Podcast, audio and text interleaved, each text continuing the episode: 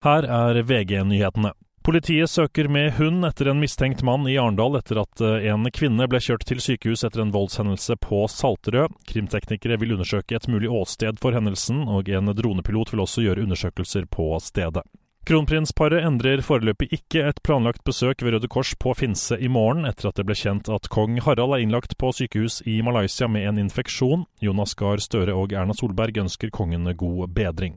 Og Erna Solberg kan få sterk kritikk av stortingsflertallet. Et flertall i Stortingets kontrollkomité vurderer å skrive at ektemannens omfattende aksjehandel ville være uforenlig med Erna Solbergs rolle som statsminister, ifølge VGs opplysninger.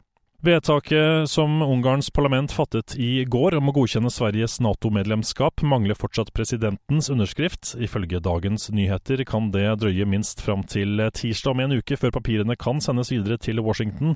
Den dagen tiltrer Ungarns nyvalgte president. Aleksej Navalnyjs advokat er arrestert i Moskva, det skriver avisen Novaja Gazeta. Han skal være arrestert for brudd på den offentlige orden. Etter Navalnyjs død fulgte han opposisjonspolitikerens mor for å kreve tilbake sønnens levninger fra myndighetene. I studio Andreas Hagen Håkonsen, nyhetene får du alltid på VG.